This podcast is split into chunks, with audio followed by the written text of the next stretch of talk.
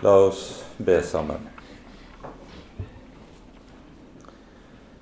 Kjære gode Herre og Hellige Far. Så takker og lover vi deg for all din nåde imot oss. Takk, Herre, for budskapet om din elskede Sønn, Han som du har sendt til vår frelse. Takk, Herre, for at i ham har du gitt oss lys og håp, vei og salighet og alt vi trenger med tanke på å nå målet hjemme hos deg.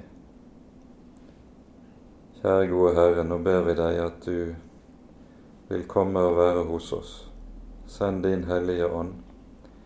Gi lys i ordet ditt, og skriv ordet inn i våre hjerter. Det ber vi om, Herre, for Jesus skyld. Amen. Før vi går inn i teksten, så har jeg lyst til å nevne at det er gjort et uhyre interessant funn arkeologisk i Jerusalem nå ganske nylig. Det står i eh, tidsskrift som jeg får eh, tilsendt, som heter Biblical Archaeology.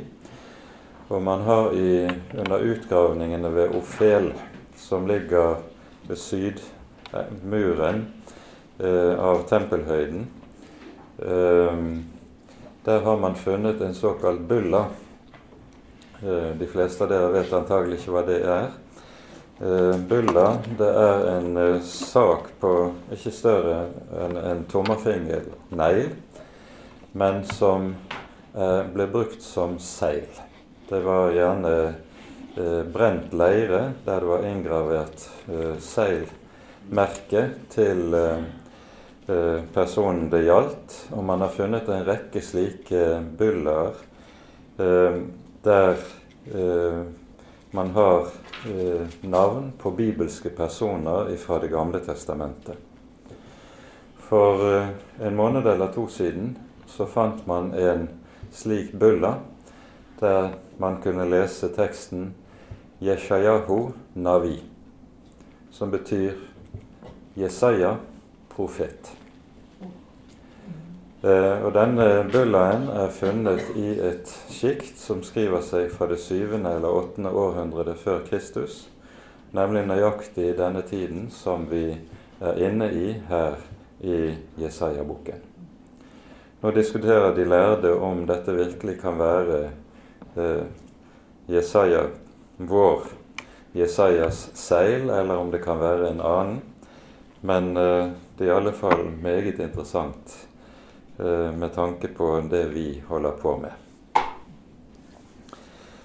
Så er det da slik at vi er inne i Immanuelsboken. Sist gang så gikk vi gjennom tekstavsnittet i kapittel 7 og første delen av kapittel 8, der vi møter Immanuels navne tre ganger. Ehm, men hele denne delen av Jesaja-boken, altså frem til, til, og med kapittel 12, kalles altså for Immanuelsboken fordi hovedtema gjennom hele denne delen av Jesaja nettopp er barnet som fødes av jomfruen, og som skal eh, være opphav til Guds rike som plantes her på jorden. Vi nevnte sist gang eh, forbindelsen mellom Jesaja 7 og Salme 46. Men det er en annen salme som kanskje i enda større grad kunne stå som overskrift og gjelde som innfallsvinkel til hele dette avsnittet. Og det er Salme 2. Um, ehm, og vi skal begynne med å se litt nærmere på denne. Um, fordi denne salmen står i en særstilling i Den hellige skrift.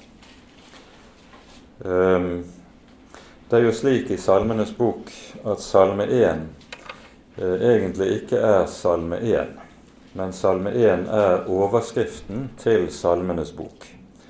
Så Salme 1 står likesom som eh, det som skal gi oss innfallsvinkelen til hvordan vi skal forholde oss til det Guds ord som er gitt i Salmenes bok. Salig er den mann som grunner på Herrens lov. Så salme 2 er egentlig da salme 1. Og salme 2 står som så å si portalen inn i Salmenes bok, fordi denne salmen knytter an til det som er det frelseshistoriske grunntemaet, og som eh, møter oss i Jesaja, denne delen av Jesaja-boken. Eh, vi skal se litt nærmere på det. Salmen begynner slik.: Hvorfor larmer hedningene, og hvorfor grunner folkene på det som fåfengt er? Jordens konger reiser seg, og fyrstene rådslår sammen mot Herren og mot Hans salvede, mot Hans Messias. La oss sprenge deres bånd og kaste deres rep av oss. Og så kommer Guds svar. Han som troner i himmelen, ler. Herren spotter dem. Så taler han til dem i sin vrede, og i sin harme forferder han dem. Det er jo jeg som har innsatt min konge på Sion, mitt hellige berg.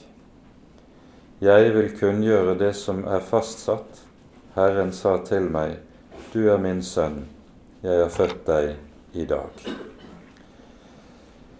Poenget med denne salmen det er at den eh, tar opp igjen det grunntemaet som blir anslått allerede i Første Mosebok 3.15, og som vi pekte på sist gang, Eh, er bakteppet for løftet om jomfrusønnen, som vi hører i kapittel 7. Det frelseshistoriske grunntemaet som gis oss i eh, Første Mosebok 3.15, det står i Guds domsord over slangen. Jeg vil sette fiendskap mellom deg og kvinnen, mellom din ett og hennes ett. Det er dette fiendskapet vi møter i de første versene her i Salme 2.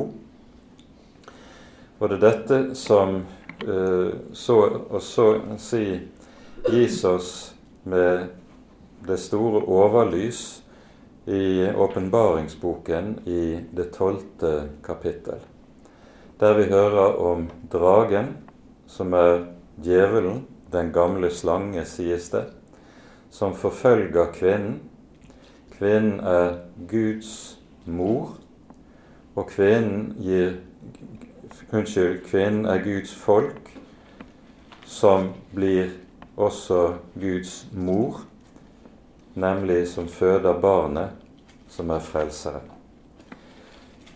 Åpenbaringen 12 Første Mosebok 3.15 og Salme 2 gir oss dette som er det frelseshistoriske grunntemaet. Den åndskamp som er mellom verdensrikene og verdensmakten, og på den annen side Guds folk, som vi hører det i disse kapitlene i Jesaja-boken som vi nå er inne i. For ordene som vi nå har lest fra Salme 2. Du er min sønn, jeg er født deg i dag. Dette er jo ordene som var gitt til kong David I, gjennom profeten Natan i 2. Samuels bok, kapittel 7, så får David og hans hus det løftet at det aldri skal savnes en mann av hans ett på Israels trone. Og så sier, lover Herren, jeg vil være hans far, og han skal være min sønn. Og Dette er bakgrunnen for at Messias kalles Guds sønn allerede i Det gamle testamentet, sånn som vi hører det her i Salme 2, og som vi møter igjen hos Jesaja. For det vi hørte i det syvende kapittel, det var jo at når disse to allierte rikene, Efraim og Syria, angriper Jerusalem, så er det med tanke på å avsette Davids hus um, og dermed gjøre til intet Guds løfte til David. Guds løfte om Frelseren som skulle komme. Og så er det Guds, vi hører Guds svar på denne utfordringen fra maktene, fra verdensrikene, i disse kapitlene i Jesaja-boken. Og denne Guds sønn som vi hører omtalt her i eh, Salme 2, om ham sies det i den siste setningen i salmen Salige er alle de som tar sin tilflukt til ham. Dette er ord som i Den hellige skrift ellers aldri brukes om noen annen enn om Gud selv.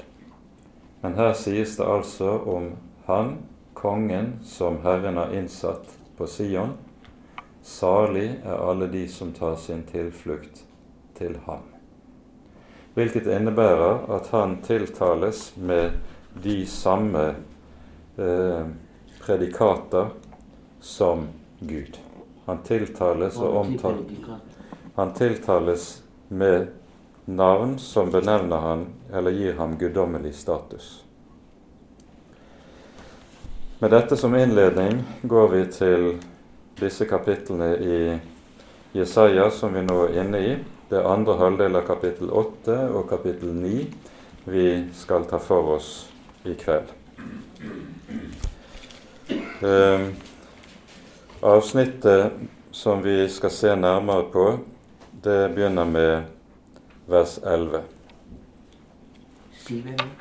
Kapittel 8 fra vers 11.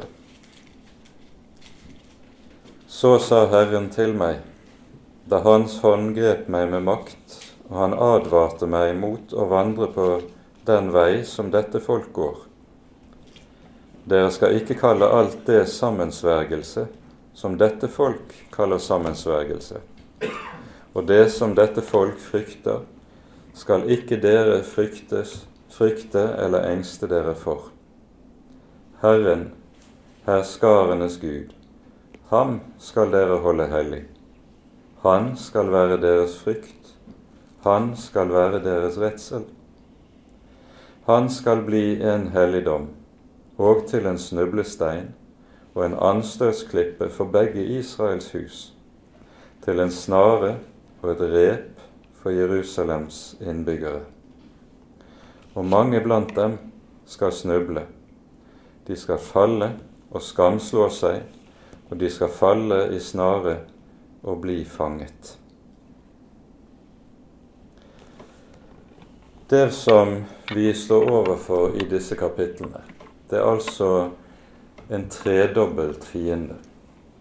For det første, som vi hørte det i kapittel 7, det at Jerusalem sto overfor angrepet fra Nordriket, Efraim og Syria, og når kong Akas da i stedet for å høre på Herrens løfte gjennom profeten Dersom dere ikke vil tro, skal dere ikke holde stand.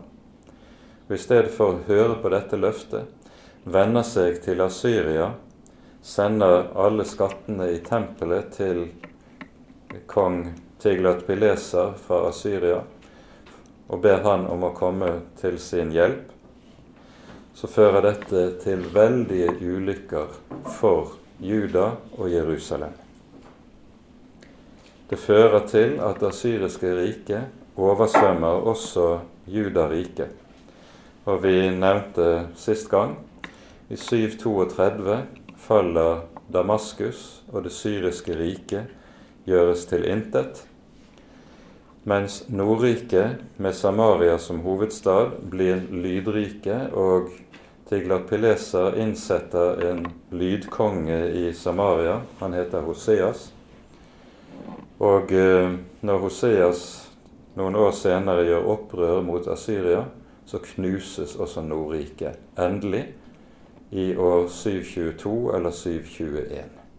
Og dermed er de ti stammer borte fra historiens arena.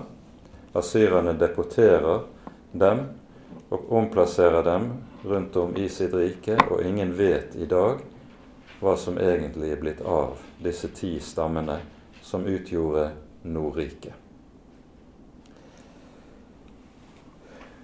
Inn i denne forferdelige, kritiske situasjonen er det at profeten kommer med ordene som vi har lest. Guds hånd grep ham med makt, sies det. Det er noe, et uttrykk som ikke brukes veldig ofte i Bibelen. Du hører noe lignende om profeten Jeremia ved en spesiell anledning. Men advarselen er dypt, dypt alvorlig. Du skal ikke kalle det sammensvergelse som dette folk kaller sammensvergelse. Og det de frykter, skal dere ikke frykte for. Det store spørsmålet er dette skal man frykte Gud, eller skal man frykte mennesker? Det Akas eh, sto overfor når profeten Jesaja kom til ham, det var det store spørsmål. Setter du din lit til Gud og hans løfte, eller setter du din lit til mennesker, nemlig asyrakongen? Det var valget.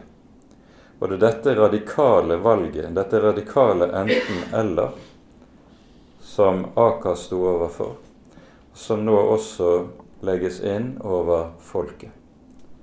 Frykte mennesker eller frykte Herren. Og Det som jo er situasjonen i Det gamle testamentet, det er det at der folket frykter Herren, der står folket også under Herrens vern.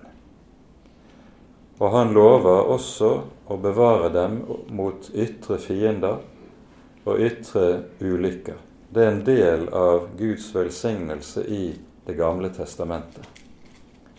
Men der folket ikke lenger frykter Herren, men vender seg til avgudene, begynner å stole på menneskene, der havner folket også i menneskenes vold og blir liggende under for fienden. Dette hører vi gjelde om igjen og om igjen. Og så får de sannelig grunn til å frykte. Det er dette enten-eller det stadig står om i Israels historie. Dere skal ikke frykte for det som de frykter for. Og Det det dermed handler om, er det store spørsmål. Tenker Guds folk sånn som menneskene ellers tenker i denne verden? Eller tenker de sånn som Guds ord vil lære dem? Det er her tale om et enten-eller. Når Nordriket går under, slik vi leser om det i andre kongebok i det 17. kapittelet, så hører vi at det sies om undergangen, den, hva som er årsaken til dette. Andre kongebok 17. Eh, først fortelles det meget kortfattet i de første versene i kapittelet om hvordan Israel og Samaria erobres av asyrerne. Og så sies det fra vers 7. Slik gikk det fordi Israels barn syndet mot Herren sin Gud, Han som hadde ført dem opp fra landet Egypt og fridd dem ut av egypterkongen, faraos hånd. De fryktet andre guder, og legg merke til det som så kommer i vers 8. De vandret etter skikkene hos de hedningefolk som Herren hadde drevet bort for Israels barn, og etter de skik skikker som Israels konger innførte. Altså, de tar etter folkene rundt dem. de begynner å tenke som dem, de begynner å handle som dem, og så er dette Israels ulykke. Og så stoler de på mennesker i stedet for å stole på Herren. Og I møte med dette er det altså det kommer dette uhyre radikale og sterke ordet i vers 13. Herren, herskarenes Gud, Han skal dere holde hellig. Han skal være deres frykt. Han skal være deres redsel. Her brukes det jo uhyre sterke ord. Eh, når det står redsel her i vers 13, så refererer det antagelig til det vi hører sies om Isak i Første Mosebok i kapittel 31. Der står det om Isak at Herren var hans redsel. Det det eneste stedet i Gamle testamentet dette står om en enkeltperson på denne måten. Men her hører vi det altså sies på denne måten. For der Herren fryktes, der behøver man ikke å frykte på for noe annet. Tenk f.eks. på Salme 46, som vi leste sist gang, eller innledningen til Salme 27. Herren er mitt lys og min frelse. For hvem skal jeg frykte? Herren er mitt livs vern. For hvem skal jeg reddes? Og så hører vi om de stormer løs på meg, om de går til krig imot meg, enda frykter jeg ikke. Dette er tonen som gjelder hos den som frykter Herren og setter sin lit til Herren. Når uttrykket 'å frykte Herren' anvendes i Skriften, så henger Og det er jo en beskrivelse på grunnforhold til Gud. Når det anvendes, så henger det sammen med Bibelens tale om hvem Gud er. Han er den hellige. Den hellige Gud er en Gud som fryktes. Det at vi i så liten grad hører tale om gudsfrykt i våre dager, henger i meget stor utstrekning sammen med at talen om Guds hellighet også er borte, og dermed så blir også gudsfrykten noe som blir borte. Og så kan du høre allehånde respektløs omtale av Gud og de guddommelige ting, også blant kristne mennesker, som i liten grad synes å forstå dette grunnleggende i Den hellige Skrift.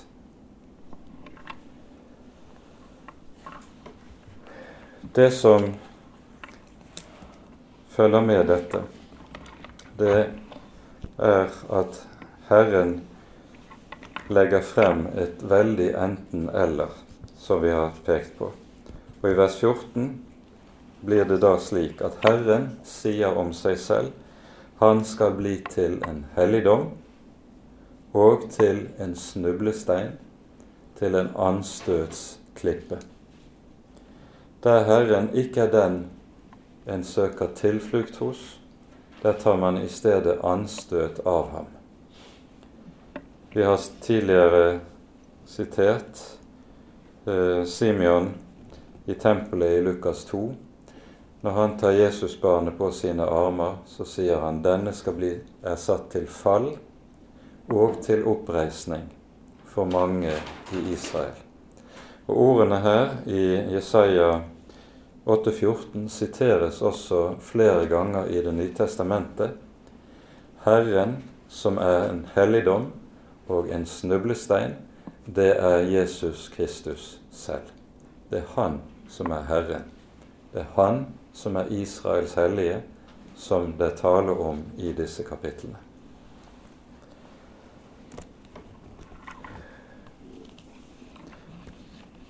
Så fortsetter teksten, og vi leser nå fra vers 16 eh, til 18 i første omgang. bind vitnesbyrdet inn, forsegl ordet i mine disipler. Jeg vil vente på Herren, som nå skjuler sitt åsyn for Jakobs hus. Jeg vil vente på ham. Se, jeg og de barn Herren har gitt meg, er til tegn og forbilder i Israel fra Herren, herskarenes Gud, som bor på Sions berg. Den tid som nå ligger foran, er en uhyre tung tid, det er en domstid for Guds folk. Det er en tid der det er slik som det sies i vers 17, Herren skjuler sitt ansikt for sitt folk. Når Herren lar sitt åsyn se, det er jo det som vi hører i velsignelsen, Herren lar sitt ansikt lyse over deg. Da velsignes folket. Men når Herren skjuler sitt ansikt, da er det alltid til dom. Det er den gammeltestamentlige tenkningen om dette. Så det som Israel nå står oppe i og står foran, er en tung, tung domstid ved verdensmakten av Syria. Og i denne, det som ligger foran, har profeten én oppgave som er på, pålagt ham, ved siden av den offentlige forkynnelsen som vi leser i profetens skrift. Bind vitnesbyrdet inn, forsegl ordet i mine disipler. Herren har en flokk som han har latt samle omkring profeten Jesaja. Og i denne flokken så skal profeten binde Guds ord inn i dem. Binde det inn i hjertene deres, så å si. Fordi det er én ting som mer enn noe er avgjørende i den tunge tiden som ligger foran, det er at Herrens ord blir bevart i Herrens folk. Ordene som eh, ligger, som er oversatt her, med vitnesbyrd, det, eh, med det tenkes det på profetens budskap, det budskap som er gitt ham av Herren. Og når det står 'forsegl ordet', det som er oversatt med 'ordet', det er det hebraiske ordet 'torah', som betyr Det anvendes jo for det første om de fem Mosebøkene, men allment så betyr det læren. Forsegl læren i mine disipler. Det påhviler altså profeten en særlig oppgave at Guds ord skal innprentes i de, de som har bevart troen i folket. Innprentes på en sånn måte at de kan det utenat og kan bevare det i den tunge tiden som ligger foran. Det er det som er tankegangen i dette. Og det er en konkretisering av ordene som vi hører i, allerede i Israels trosbekjennelse i 5. Mosebok 6. Hør Israel, Herren vår Gud, Herren er én. Du skal elske Herren din Gud av alt ditt hjerte, av all din sjel, av all din kraft. Og så kommer, kommer det. Disse ord som jeg byr deg i dag, skal du legge på ditt hjerte. Og du skal innprente dem i dine barn. Og ordene som er brukt for å innprente, betyr å hogge i stein. Barna skal lære ordet. De skal lære ordet utenat, sånn at de kan bevare Herrens ord. Og Det er nå det samme som er profetens oppgave i den tiden som ligger foran.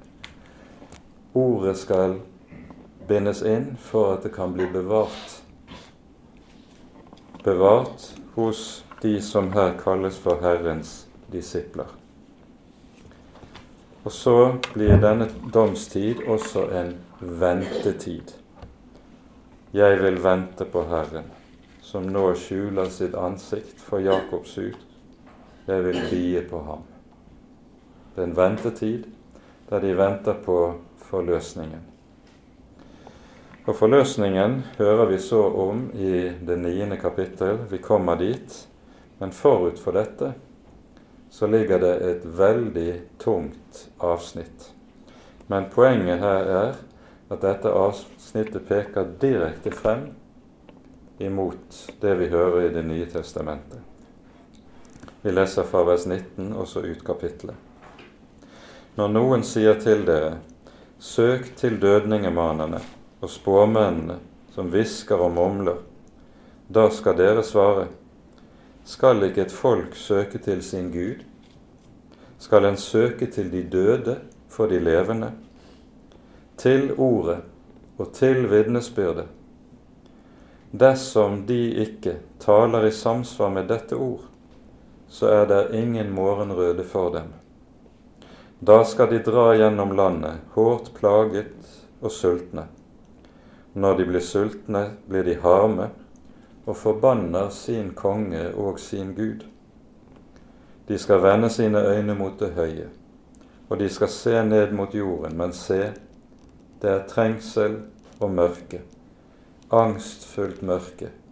De er støtt ut i natten. Den beskrivelse av den forestående dom som vi hører her, den har en helt bestemt grunn. Profeten har sagt 'til ordet og til vitnesbyrdet'. Når Moses talte, i, slik vi hører det i 5. Mosebok 30, 30. kapittel, så legger han Guds ord frem for folket, og så sier han 'Dette ord er ditt liv'. Det å ta vare på ordet, det bærer i seg de største løfter. Det bærer i seg livet. Men det folket gjør, det er det motsatte. De kaster Guds ord fra seg. Profeten betraktes som en overåndelig svermer. Og i stedet gjør de det som alle hedningefolkene omkring dem har lært dem. De søker til dødningemanere, spåmenn, ulike typer spådomskunster, for om mulig for av disse få vite hva som skal skje, hva som ligger foran. Og Her er vi inne på et område som er uhyre viktig, ikke minst er det blitt det også i våre dager. For dette, disse tingene er jo blitt mer og mer utbredt.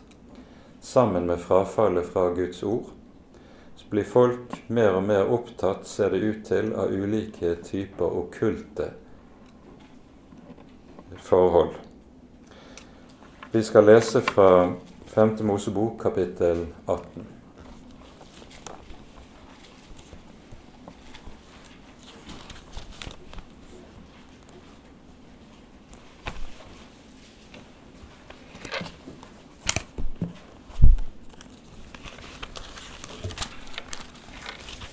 Her hører vi fra vers 9 av følgende. Når du kommer til det land Herren din Gud gir deg, skal du ikke ta etter disse folks motbydelige skikker. Det skal ikke finnes noen som lar sin sønn eller datter gå gjennom ilden. Heller ikke noen som gir seg av med spådomskunster, eller spår av skyene, eller tyder varsler eller er en trollmann heller ikke noen heksemester, ingen som spør en dødningemaner, ingen spåmann, ingen som gjør spørsmål til de døde. For hver den som gjør slikt, er vemmelig for Herren, og for disse vemmelige tings skyld er det Herren din Gud driver dem bort fra deg. Ustraffelig skal du være for Herren din Gud. For disse folk som du skal drive ut, de hører på dem som spår av skyene og på tegntidene. Men deg har Herren din Gud ikke tillagt, tillatt slikt. Det som er saken i dette Alt dette er jo en beskrivelse av ulike typer okkult praksis. Det som er saken, er at for det første er dette brudd på det første bud. Alle typer okkult praksis er brudd på det første bud. For det andre er det slik at det å gi seg inn på disse områdene, det er ikke noe som bare et spørsmål om overtro, og som ellers er så å si åndelig sett nøytralt. For bak forhenget, så å si, er det slik at ved å gå inn i denne typen kunster, så får man kontakt med onde ånds makter. Man får kontakt med de krefter som kommer fra djevelen og fra den onde. Slik at det er uhyre farlig. Den typen kontakt fører alltid til at disse kreftene får et grep om de det gjelder. Dette grepet kan variere i karakter og variere i styrke, men felles for de som kommer under denne typen innflytelse, er at det alltid har som bieffekt et uttalt og sterkt fiendskap mot evangeliet, slik vi møter det i Kristi person.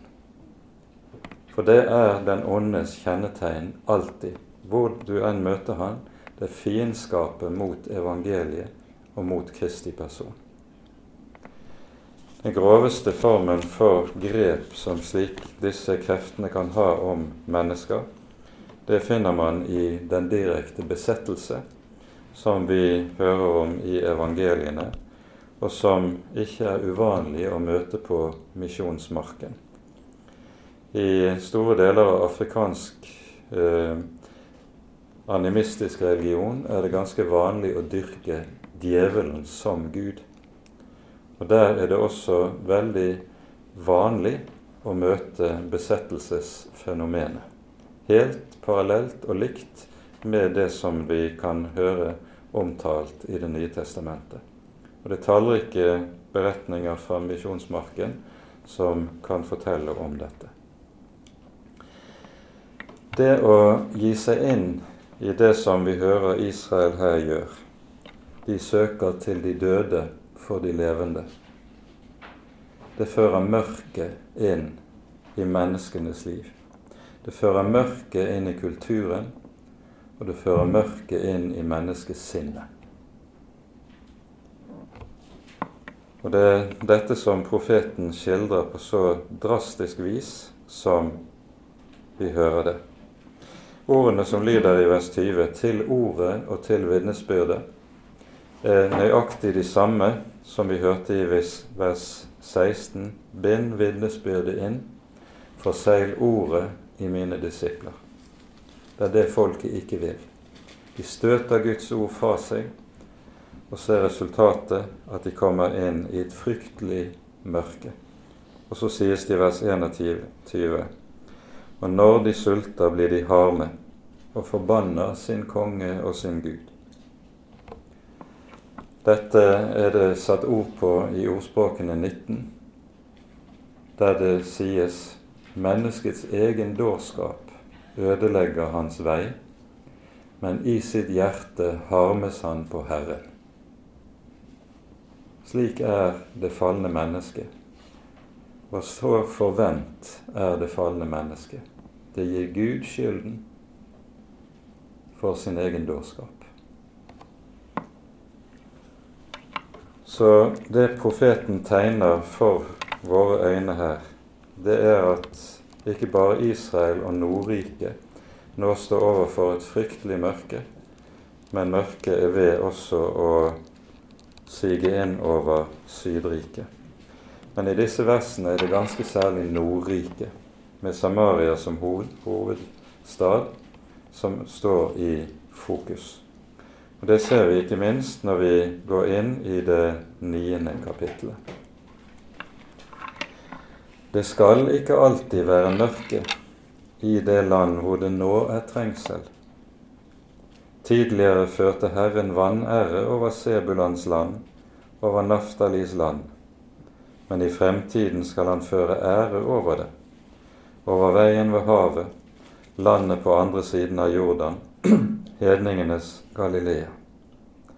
Det folk som vandrer i mørket, skal se et stort lys de som sitter i dødsskyggens land, over dem skal lyset stråle.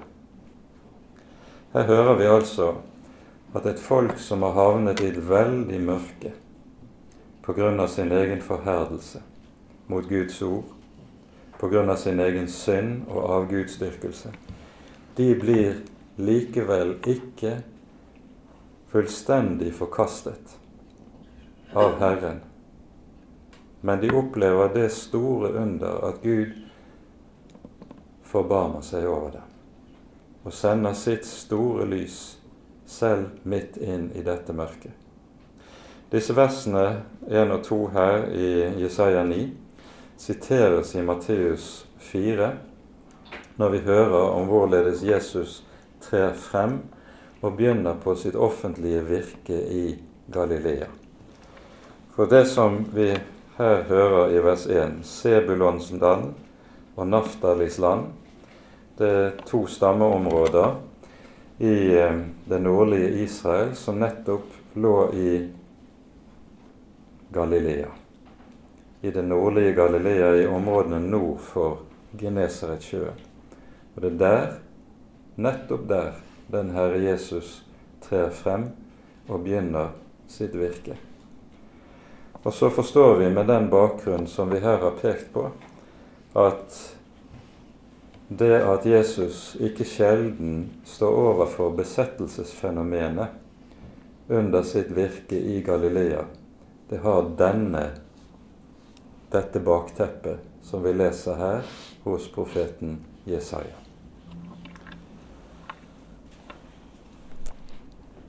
For nå peker profeten altså fremover at bakom den veldige trengselstid og domstid som ligger foran, kommer der en frelsestid.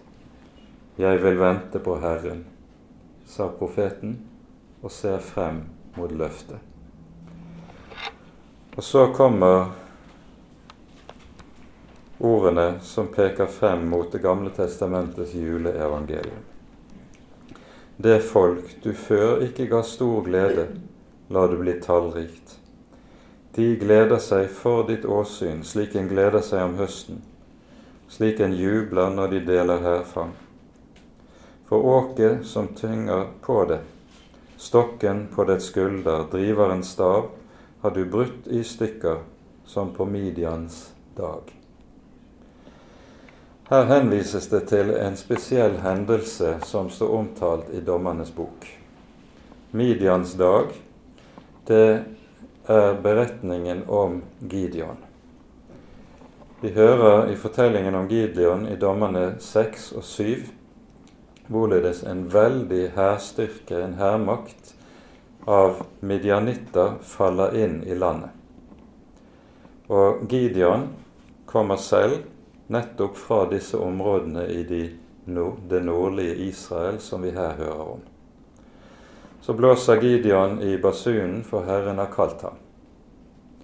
Og det samler seg 32 000 mann hos han for under, for under hans banner å kjempe mot midjanittene. Og så er det Herren sier til Gideon, du er altfor mange til at jeg kan gi deg seier. Og så sier først Gideon, alle som er redde, alle som er engstelige, kan reise hjem igjen. Hvorpå 32 000 mann vender ryggen til hæren, og han står tilbake med 10 000 mann. Og Herren sier til Gideon på ny, dere er enda for mange. For hvis dere får seier med disse, så vil Israel rose seg mot meg og si, det er ved min egen hånd jeg har vunnet seier. Så skiller Herren ut av disse 10 300 mann. Med 300 mann skal de møte en hærstyrke som kanskje teller så mye som 100 000. Og de går ut mot medianittene uten sverd, men med fakler, altså med lys, og med vannkrukker. Med lys og med vann går de ut. Og så slår Herren medianittene uten våpenmakt fra Israels side. På samme måte er det Herren lover å slå Assur når Assur oversvømmer landet. Og Dette er det, det vi hører om fra kapittel 36 til 38 i Jesaja-boken. Vi kommer til å komme tilbake til det etter hvert. Men det er det det sikter til, altså på Midians dag. Folket skal befris uten våpenmakt. Men akkurat som med Gideon, ved at det er noen som går ut med lys i hånd. Og nettopp dette at det skal skje uten våpenmakt, understrekes så i vers 5. For hver krigssko som er båret i slagtommelen, og hvert klesplagg tilsølt med blod, skal brennes opp og bli til føde for ilden. Og så kommer løftet. For et barn er oss født, en sønn er oss gitt. Herredømmet er på hans skulder, og han skal få navnet under, rådgiver, veldig Gud, evig Far, Fredsfyrste. Så skal herredømmet bli stort, og freden uten ende over Davids trone og hans kongerike. Det skal bli gjort fast og holdt oppe ved rett og rettferdighet fra nå av og til evig tid. Herrens, herskarenes Guds nidkjærhet skal gjøre dette. Dette er altså Det gamle testamentets juleevangelium. Og barnet som her omtales, er det samme barnet som vi hører omtalt i kapittel 7, som skulle fødes av jomfruen, og som fikk navnet Immanuel. Og Immanuel står altså også omtalt to ganger i kapittel 8, og vi møter ham igjen i kapittel 11 som er fortsettelsen på det vi hører her. Det skal vi se nærmere på neste gang. Men vi skal legge nøye merke til måten dette her er formulert på. For det sies altså et barn er oss født, er oss gitt. Når en mann og en kone sier 'vi har fått en barn', så tenker de at barnet er deres, det hører til i den lille familiekjernen som de utgjør. Men her er barnet ikke gitt bare til en mor og en far, men det er gitt til et folk. Barnet er oss gitt. Barnet er Guds gave til sitt folk. Det er poenget med måten dette er formulert på. Herredømmet er på hans skulder. Og så hører vi 'han skal få navnet', eller 'han skal kalles'. Og så nevnes det under, rådgiver, veldig Gud, evig Far og freds fyrste. Dette oppfylles i Jesu Kristi person. Og når han kalles under, så går det tilbake til i første omgang det vi hører i kapittel 7 vers 14 om barnet som skulle føde seg jomfruen. Derfor skal Herren selv gi dere et tegn. Og ordet tegn det kan også nettopp bety et under. Men poenget her at han kalles under, at det blir et av hans navn, det er at underet er ikke noe som bare gjelder hans tilblivelse og hans fødsel, men det er noe som gjelder hele hans liv, alt han gjør, og alt hva han er. Hans liv, hans død, hans oppstandelse er et under. Hans lære og undervisning er et eneste stort under, alt sammen. Han, derfor bærer han navnet under. Det er en betegnelse på alt hva han er. Rådgiver. Han er den som kommer med rådet ovenfra som er av Gud. Dette som står i motsetning til det vi leste i kapittel 8, når menneskeråd styrer. Da går det galt. Og så kommer de betegnelsene som i Skriften bare kan anvendes om Gud. Han skal kalles veldig Gud. Et lite barn, født av en kvinne kalles Veldig Gud. Og Denne tittelen Veldig Gud den hører vi også i kapittel 10, vers 21, Og Der er det helt utvilsomt anvendt om den Gud den allmektige, som i sin allmakt fører verdenshistorien etter, sin, etter sitt råd og sin vilje, etter et råd som vi slett ikke forstår, men som dog er slik at det står i hans hånd. Han er evig far. Altså det at Gud blir far, det er knyttet til denne person.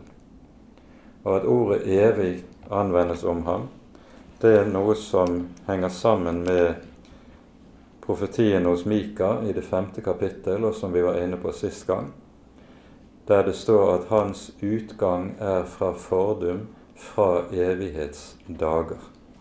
Dette kan ikke sies om noe annet menneske enn han, han som er Gud, kommet i menneskers kjød. Han er evig far. Og så til slutt fredsfyrste.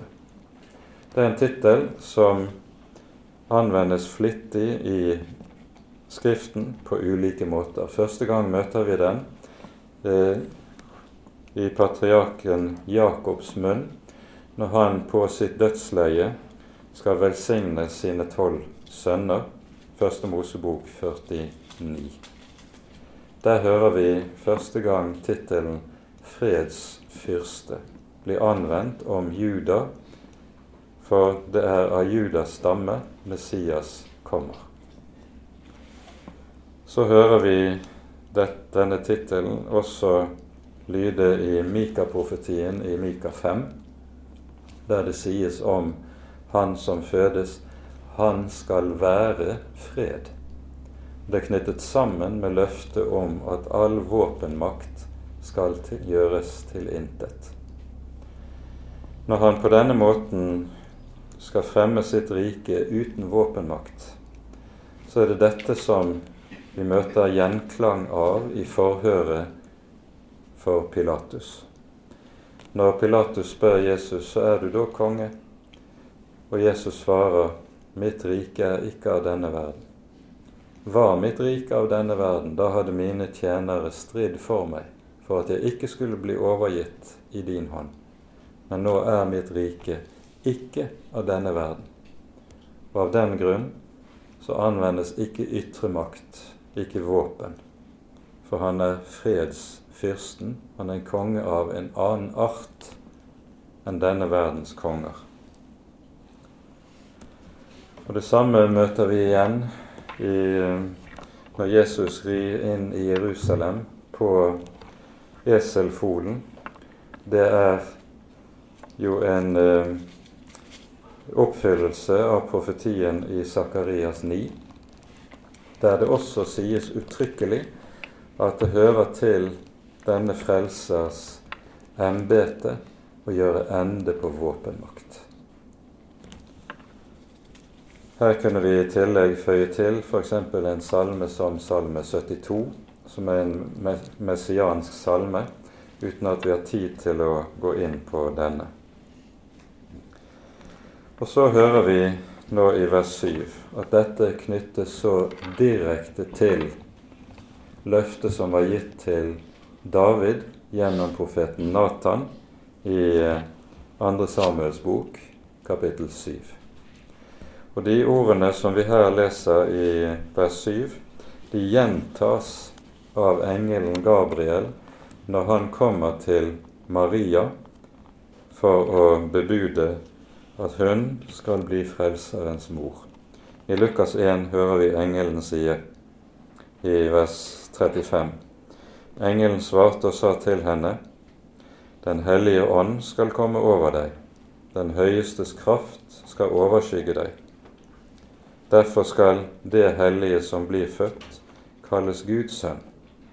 Det løftet om at barnet er Gud, er, oven, er ovenfra. Men så står det også like før Han skal være stor og kalles Den høyestes sønn. Gud Herren skal gi ham hans far Davids trone. Han skal være konge over Jakobs hus til evig tid, og det skal ikke være ende på hans kongedømme. Det vi her ser, det er en, et nettverk av løfter og profetier i Det gamle testamentet som peker frem imot, og som oppfylles i Kristi person. Og når Jesus kommer til vår jord, så vises det tilbake til disse løftene som vi finner i den gamle pakt. Jesaja 9, Jesaja 7, 2. Samuel 7, Salme 2, 1. Mosebok 3.15 osv. Alt sammen utgjør et nett av profetiske ord som oppfylles i Kristi person, og utgjør bakteppet for at vi kan forstå hvem Jesus er rett. Ordene som vi leser her i kapittel 9, peker på at når Jesus kommer og trer frem i Guds folk, så trer han frem for et folk som er under Guds dom. De er under Guds dom på grunn av sin synd, sin ugudelighet. Men nettopp til de som er under dommen, er det han kommer for å forløse for å frelse. Og Det er jo det som gir oss hele evangeliet i et nøtteskall. Han kom for å være lyset for de som bor i mørket. I et mørke som er selvforskyldt, et mørke som er Guds dom. Men han er det lys som sprer mørket, ved hvem dommen heves og syndere settes i frihet. Dette er det som Jesaja peker frem imot. Så vi forstår at disse kapitlene i Jesaja-boken de er overmåte sentrale med tanke på budskapet om den Herre Jesus og det å forstå sammenhengen i Skriften på rette måte. Med det setter vi punktum for dagens bibeltime. Ære være Faderen og Sønnen og Den hellige ånd, som var og er og være skal, en sann Gud, høylovet i evighet. Amen.